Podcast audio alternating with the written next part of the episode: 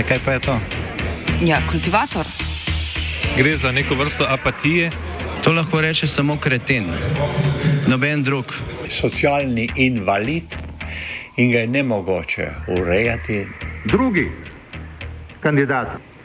Pa, eh, pa pije, kadi, masturbira, vse kako hoče lahko počne. Nihče tega ne ve. Vsak petek skultiviramo dogodek tedna. Lahko po kriterijih radio študent, težko pa po evropskih kriterijih. Ampak na drug način, kot vi to mislite. Kultivator vedno užge. da pač nekdo sploh omenja probleme, ki so in da pravzaprav sploh nekdo sproži dogajanje uh, v družbi. To drži, drži. Pozdravljeni torej v današnjem kultivatorju. Če se za začetek kar potopimo v kontekst, je sodišče Evropske unije v Luksemburgu razsodilo, da Evropska mejna in obaljna straža, torej Frontex, eh, ni odgovorna za pushback družine sirskih beguncev. Zdaj, agencija v sodelovanju z grškimi oblastmi je ta pushback izvedla leta 2016. Če se bolj natančno ozremo na to, je razsodilo sodišče, torej, da agencija ni pristojna za presojo prošenj za mednarodno zaščito in pa presojo utemeljenosti odločitev o deportacijah beguncev. Zato po odločitvi sodišča agencija ne more odgovarjati za kakršno koli škodo povzročeno zaradi deportacije beguncev, kar pa seveda nas navede na to, da po odločitvi sodišča lahko odgovarjajo le članice države, države članice, pardon, torej v tem primeru, v katerem je razsojalo sodišče, Grčija. Z mano v studiu je Pija Zala iz aktualno-politične redakcije in govorili bomo torej o podrobnostih nove sodbe in pa tudi širše o delovanju Frontexa in po, o pomenu sodbe za odgovornost agencije za dejanja njenih uslužbencev. Torej, Pija Zala, zakaj je sodba pomembna? Kaj naj pove? Uh, jaz bi začela s tem, da povem, kaj je sodišče Evropske unije. Uh, Angliško se imenuje European Court of Justice, je pa najvišje sodišče Unije v zadevah, ki se nanašajo na evropsko pravo. Uh, ta sodba ima širši pomen za delovanje Frontexa. Uh, Frontex pa je agencija, ki od tako imenovane migranske krize leta 2015 postaja vse bolj ključen element tega, čemu pravimo trdnjava Evropa. Um, Frontex dobiva vse širša pooblastila. Eh, tudi na ozemlju držav, ki niso del Evropske unije. Um, naj navedem primer. Uh, to je Severna Makedonija, s katero je Frontex že sklenil sporazum o povečanih pooblastilih. Uh, na njegovi podlagi lahko uslužbenci agencije na makedonskem ozemlju pri upravljanju migracij in varovanju mej z makedonskimi organi sodelujejo z izvršnimi pooblastili um, in to na vseh mejah Makedonije. Po starem sporazumu pa so lahko Frontexovi uslužbenci makedonskim oblastem le pomagali pri nadzoru, um, naprimer z nadzorom iz zraka, z droni in letali. Niso pa meni, da niso sami izvrševali, uh, mislim, niso imeli pooblastil izvršnih. To pomeni, da pač oni so sami nadzorovali državne organe na meji, niso pa tega sami izvajali. Uh -huh, uh -huh. Torej, to so delali državni organi, oni so pa jih gledali, kako to delajo. Kar gledali... pomeni, da niso mogli raztoročno izvajati pušnika. Načeloma, da ne, ne bi smeli. Ne bi ga smeli. No. Um, in če se zdaj um, tako, ja. Če torej niso smeli lastnoročno izvajati pushbackov, um, in tudi niso smeli um, Um, sorry. Ni vanjega, eh, torej niso smeli izvajati eh, česar koli. Ja, niso nadzora, smeli, samo nadzorovali so. Um, in pač tak sporazum, kot je se zgodil z Makedonijo, so uh, ta teden uh, sklenili tudi z Albanijo. Um, če pa se vrnem zdaj nazaj na, na aktualne zadeve, um, oziroma na današnjo temo kultivatorja. Um, torej, Frontex, uh, govorimo še vedno o tem. Uh, pooblastila Frontexa se večajo, si dejala, in zato Evropska unija vse več denarja iz proračuna namenja za Frontex, postaja pa mal manj jasno, uh, komu Frontex sploh odgovarja in s čim je pač njegovo delovanje omejeno. Ne? In zdaj to, odpira, uh, to vprašanje odpira nova sodba Sodišča Evropske unije. Torej, ali sploh in kako lahko Frontex odgovarja za to, kar počne. Pa če bi se kar posvetili podrobnostim tem sodbe, če bi šlo. Uh -huh.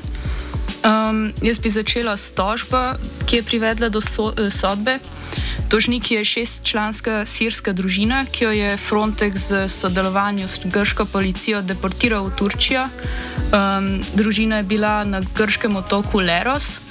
Um, o podrobnostih pa sem govorila z Liso Marie Komp, uh, odvetnico nizozemske odvetniške pisarne Praken Oliveira. Uh, Lisa Marie je ena od treh odvetnic, ki so v primeru zastopale družino.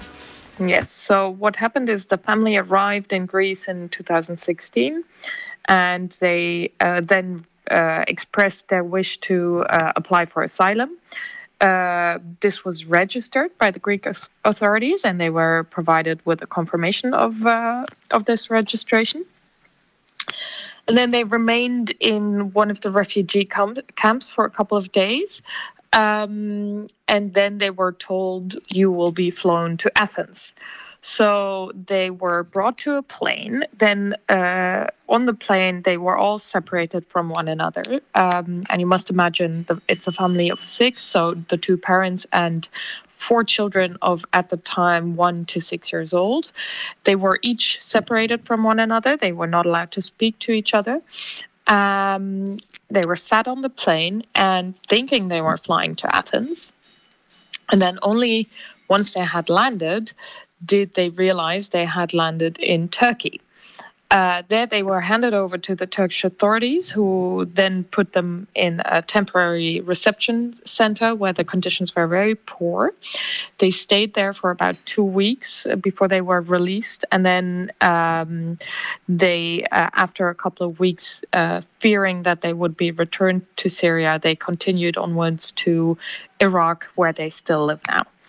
So, um, to sum it up, what happened is that the family, despite the fact that they had registered for applying for asylum uh, and no uh, procedure had followed to review their request for asylum, nor had there been a decision to return them, has been put on a flight which was uh, jointly operated by Frontex and the Greek authorities and returned to Turkey.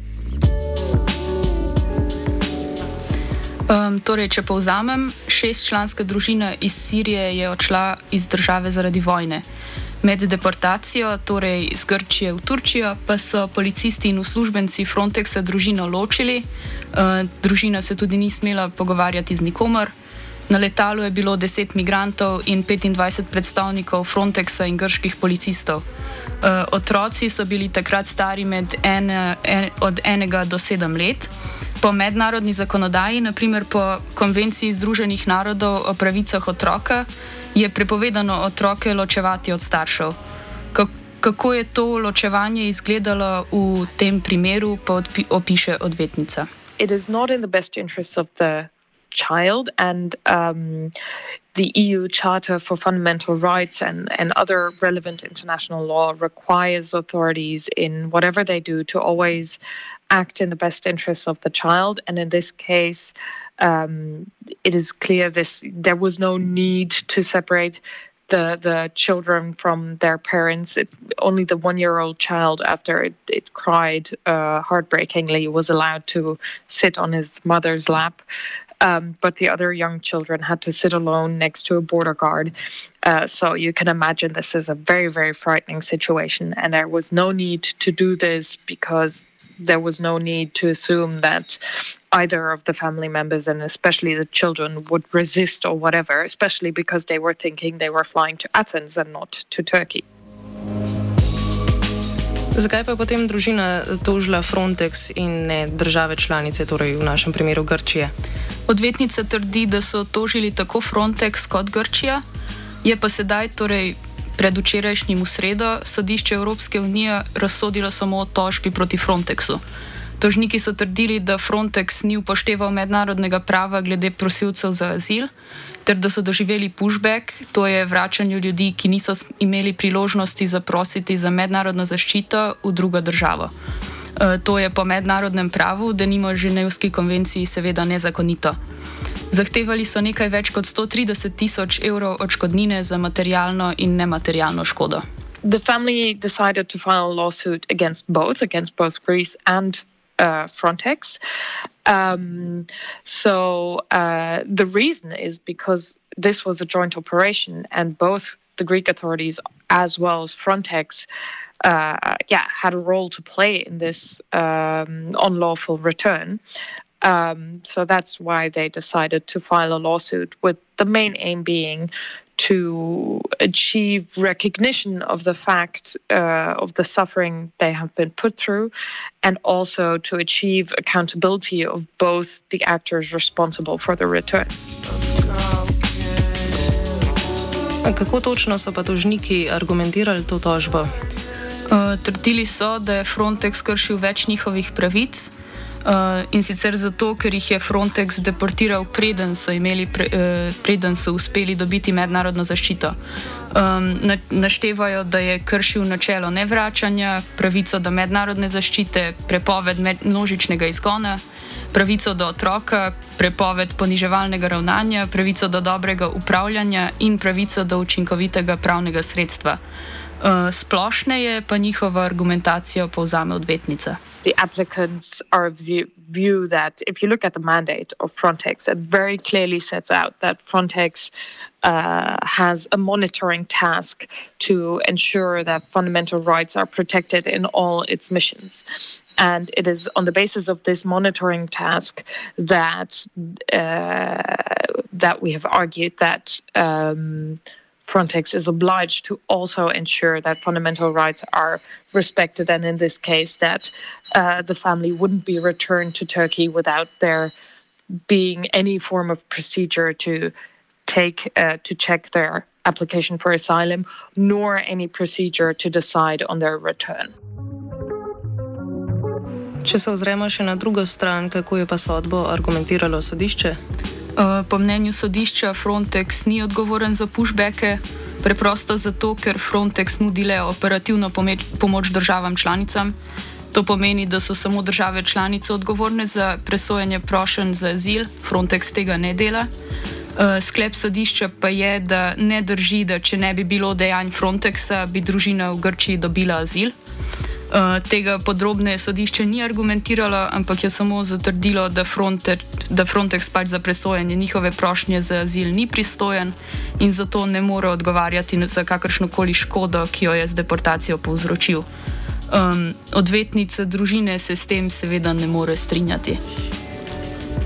The central argument of the court is that uh, there is no causal connection between the acts of Frontex and the damages suffered by the applicants. And the reason for this is that, in view of the court, Frontex was not obliged to check uh, whether the applicants could be returned. It is interesting that the court formulates it as uh, that Frontex did not have the mandate to review the return decision. However, that was not what, uh, that is factually not entirely correct because in this case there was no return decision. So uh, the applicants uh, did not argue that Frontex should review the legality of a return decision, but rather should check whether people could be returned at all. Um, because a prerequisite for returning people is that there is a return decision. And as I said, in this case, there was none. Kaj pa je neka taka rešitev, ki bi bila mogoče primerna za to družino, da se sploh da kaj storiti v tem primeru? Ja, njihova odvetnica pravi, da se bodo pritožili na uh, sodišče Evropske unije, kar v bistvu zgleda tako, da um, ima sodišče znotraj sebe splošno sodišče, angliško General Court, ki je pač um, obravnavalo to tožbo, pritožijo pa se lahko na najvišji organ oziroma najvišji del tega uh, sodišča Evropske unije. Uh, zakaj pa se bodo pritožili, pa pove odvetnica. Uh, it is possible to go uh, to appeal this decision. Uh, appeal would be at the uh, Court of Justice of the European Union. So we are currently consulting with our client um, to appeal the decision um, because I, I think it is important to do so. Uh, as I explained, this ruling really leaves an accountability gap. Torej, malo nejasno, uh, na koga prelagati krivdo. Torej, a pa so takšni sodni primeri pogosti? Uh, sogovorka pravi, da niso. Um, zakaj in ali so take tožbe uspešne, pa bo pojasnila sama. No, these cases are not common at all. What we must realize is that the victims of pushbacks are in a very vulnerable dis- uh, position. They are, firstly, uh, far away. They uh, are they they are uh, focused on you know more basic thing, things to ensure their own security and survival, uh, and they are not focused on uh, the question whether and how to contact a lawyer. Uh, even if they would think of that, uh, there are numerous numerous practical obstacles that stand in the way between successfully contacting a lawyer who is in the position to help them. So these cases are not common at all. And uh, to my knowledge, there is no case that has been successful.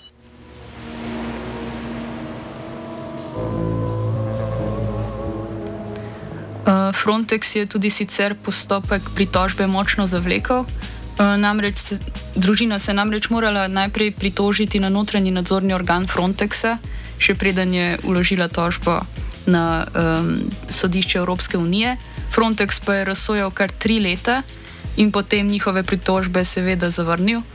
Um, kako pa je ta notranji postopek reguliran, torej ali uh, lahko Frontex tako zelo zavlačuje, pa pove sogovorka. There are uh, freedom of uh, information uh, regulations within the EU, and there's also regulation regulating the uh, internal complaints mechanism of Frontex. Well, this is an internal regulation. Um, so, in within this internal complaint that was submitted to Frontex, the documents uh, were provided by Frontex. This didn't take three years, um, but the final decision of Frontex uh, took three three years. Um, the, the, if you look at EU law, administrative principles regulating how long decisions of institutions are allowed to take, then usually what is considered a reasonable uh, amount of time, depending also on the circumstances of the case, how complex it is, and what the institution needs to be. It's somewhere between uh, several weeks and a maximum of six months, and clearly more than three years is is extremely long, and in my view, excessive. Also regarding what needed to be done. Torej, kar smo, na kar smo se že prej malo ozrli, uh, odločitev sodišča odpira širše vprašanje odgovornosti in pa pristojnosti Frontexa. Če se še malo bolj natančno potopimo v to. Um, ja, v bistvu uredba Evropske unije o delovanju Frontexa iz leta 2016 v 34. členu pravi, da mora agencija vzpostaviti učinkovit mehanizem za nadzor spoštovanja osnovnih pravic na vseh področjih njenega delovanja. Ampak težava je v tem, da ni zares razvidno, kdo naj bi nadzor nad delovanjem Frontexa izvajal. E, sicer je Unija uredbo medtem že spremenila leta 2019, ampak so postopek začeli že pred spremembo uredbe, več pa pove sogovorka. This uh, ruling raises two important questions. I discussed the first one already that uh, if you look at the mandate of Frontex, it very clearly formulates a monitoring duty for Frontex. Yet, uh, reading the ruling, this it really raises the question how we must interpret the mandate of Frontex, because on the basis of this ruling, the duty to monitor for co- human rights compliance in practice doesn't really mean anything. And the second qu- important question the um, the judgment raises is then whether and by whom Frontex can be held to account because on the basis of this judgment, it's not individuals. They cannot uh, hold Frontex accountable before a court because, in the view of the court, it's the member state's responsibility to ensure fundamental rights compliance. Um, so this means that it's up to the political institutions to take measures to fill this accountability gap because we must realize that Frontex is an agency with very great power over the lives of individuals and in a union based on the rule of law it is very important that power always goes hand in hand with the duty to well to to be accountable Kaj pa širše odgovornosti Frontexa, kako so te videti, kako jih v Evropski uniji širimo, širijo? Uh -huh. um, Evropska uh, oziroma Frontex je bil um, ustanovljen leta 2005 pod imenom Evropska agencija za upravljanje in operativno sodelovanje na vseh na zunanjih mejah držav članic EU. Um, leta 2016 je bila preimenovana. Um, to sicer med migransko krizo mm. in takrat je tudi dobila večjo vlogo za nadzor na mejah držav šengenskega območja, ki mejijo na države izven uh, tega območja. O vlogi Frontexa pri nadzoru na mejah in o kršitvah človekovih pravic pa sem poklicala Tobiasa, ki z otoka Lesbos za radio Helsinki v Gracu poroča o tamkajšnjem dogajanju. Frontex um, always likes to play nice to the public, right? They are they have a PR division, they have uh, this human rights monitoring department, but um, and recently with this shipwreck in Pilos that they're now being investigated for, also it was rather clear soon after the shipwreck happened that Frontex wasn't happy and they were also not really involved with the situation. Um, I guess Frontex is a bit also like um, UNHCR, the organization, right? They can only do and act in a way that the host country approves of. So they cannot do anything that they're not told to do. This is in their charter, this is how they operate. There was also a big expose earlier this year about, you know, with leaks of Frontex. There is a website called Frontex Files where they have, you know, a lot of files pertaining to human rights violations, but also to lobbying, like how Frontex gets their money, how they move in Brussels, etc. And of course, their former um, director had to quit because of this, you know, piling up of human rights violations allegations. Ne, čista neznanka tudi. našemu poročanju. Mogoče. V prvem desetletju, torej na začetku delovanja, je bila naloga Frontexa zagotavljanje iste ravni nadzora na torej vseh zunanjih mejah držav EU. Kako je še kaj izgledalo delovanje Frontexa v tem obdobju? Uh mhm. -huh. torej, v obdobju med 2005 in 2016 je nekaj več kot 300 zaposlenih izvajalo usklajevanje, iz, um, usklajevanje izvajanja nadzora držav članic Evropske unije in držav izven Evropske unije, potem izobraževanje nadzornikov na državnih mejah, analiziranje in raziskovanje tveganj ter zagotavljanje tehnične in organizacijske pomoči državam članicam na mejah, uh, niso pa imeli izvršilnih pristojnosti. Če se pa ozreva uh, na migransko krizo, ki se je prej omenila, uh, torej Evropska komisija je 2016 kot odgovor na to krizo razširila pristojnosti Frontexa.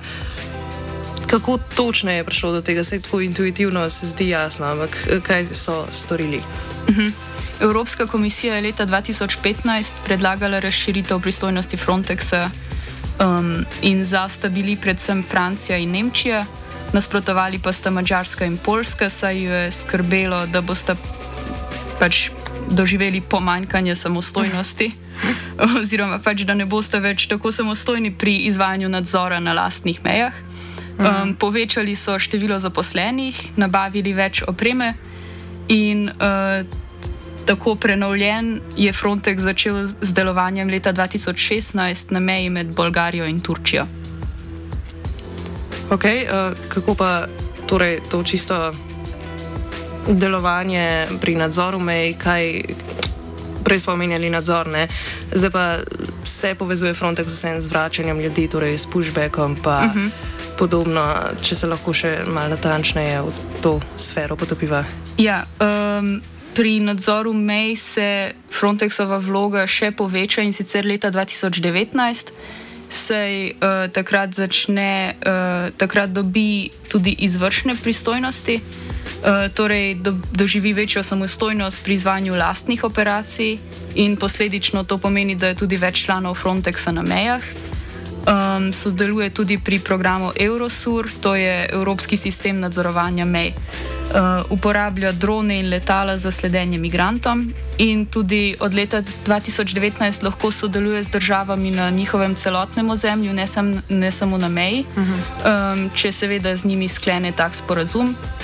Um, pa če malo povem o financiranju Frontexa, lani je um, bil deležen skoraj 800 milijonov evrov, zaposlenih pa je trenutno 2500 oseb. Um, potem pa sem se pogovarjala še s Tobiasom o spremembah med um, pač, pred letom 2019 in po letu 2019 in specifično v Grčiji in več o tem bo povedal sam.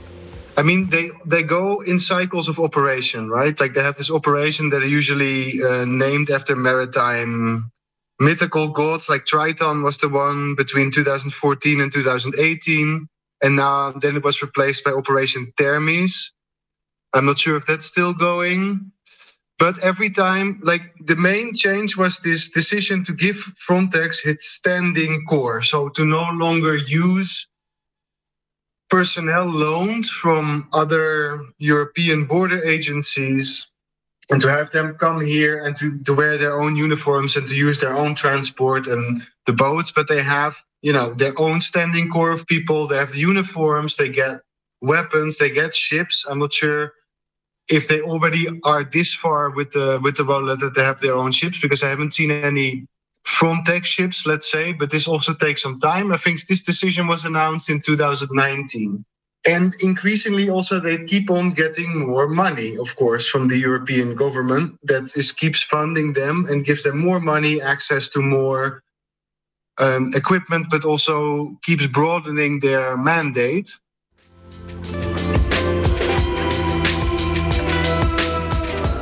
Če Frontex nadzoruje vse, kdo pa nadzoruje Frontex? Uh, Frontex vsaj na papirju za svoje delovanje odgovarja Evropskemu parlamentu in Evropskemu svetu. Dejansko pa je problem ta, da uh, Frontex in mej, državne mejne oblasti delita odgovornost in da Frontex samo sodeluje z državnimi policijami na mejah. Torej, v temelju na papirju so za dogajanja na mejah odgovorne države in ne Frontex. Um, potem, da bi povečali transparentnost in tako prevzeli odgovornost, oni vsako leto objavijo poročilo o svojem delovanju, ampak v bistvu s tem nadzorujejo sami sebe. Um, in da povzamem, Frontex odgovarja evropskim organom, ampak kljub temu, da je upleten v dogajanje na mejah, ni nujno, da je prepoznan za odgovornega pri tem, saj so po uredbi iz 2019 za to odgovorne države. Poleg tega pa ne morejo biti deležni sodne obravnave v državah izven Evropske unije, v katerih delujejo. Kako pa to, da je delovanje Frontexa tako polemično, mogoče, da je tarča mnogih kritik, mislim, razen očitnega? Um, ja, imajo veliko izvršilno moč in znani so po kršitvah pravic migrantov. In to, da imajo veliko izvršilno moč, pomeni, da lahko popisujejo ljudi in izvršujejo nadzor na meji. Um, S Tobijasom pa sem se pogovarjala, zakaj je Frontex težko obtožiti kršitev pravic migrantov in kaj, je, vse, kaj vse je za to potrebno. In order to determine that, you need witnesses. So you need people that are on trying to cross migrants that say, look, I saw a boat that looks like this. Then preferably you need images.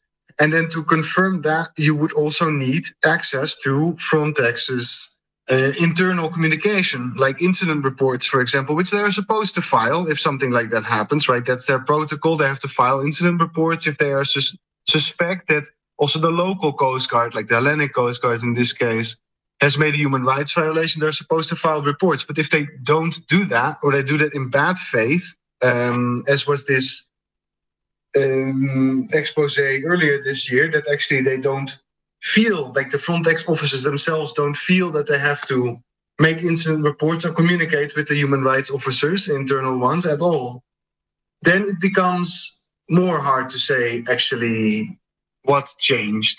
And I think recently here, the violence is coming more from the Hellenic Coast Guard.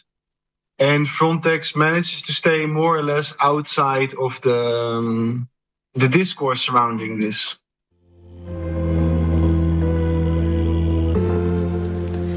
Leta 2021 je Evropski urad za boj proti goljufijam, oziroma krajše OLAF, tudi izdal poročilo o delovanju Frontexa. Eh, po podrobnostih iz poročila, ki so jih razkrili evropski mediji, so na Frontexu vedeli za pushbacke v Egejskem morju. Še več, uh, kot da že to ni dovolj, so pri njih z grško obalno stražo sodelovali in jih skušali prikriti. Eh, zato je sicer tudi letel direktor agencije Fabrice Leggeri, ampak letel je zato, ker pushbackov ni uspel prikriti, ne pa zato, ker jih je Frontex izvajal.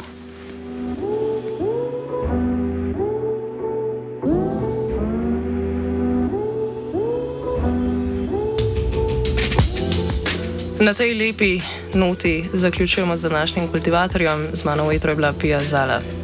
Hvala.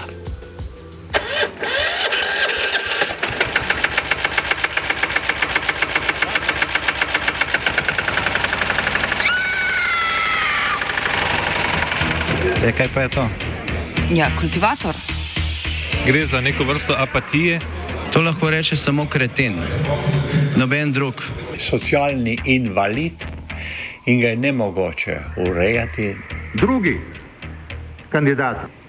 Pa, eh, pa pije, kadi, masturbira, vse kako ti človek počne, nihče tega ne ve. Vsak petek skultiviramo dogodek tedna. Lahko po kriterijih radio študent, težko pa po evropskih kriterijih. Ampak na drug način, kot vi to mislite. Kultivator vedno užge. Da pač nekdo sploh omenja probleme, ki so, in da pravzaprav sploh nekdo sproži dogajanje uh, v družbi. To drži, drži.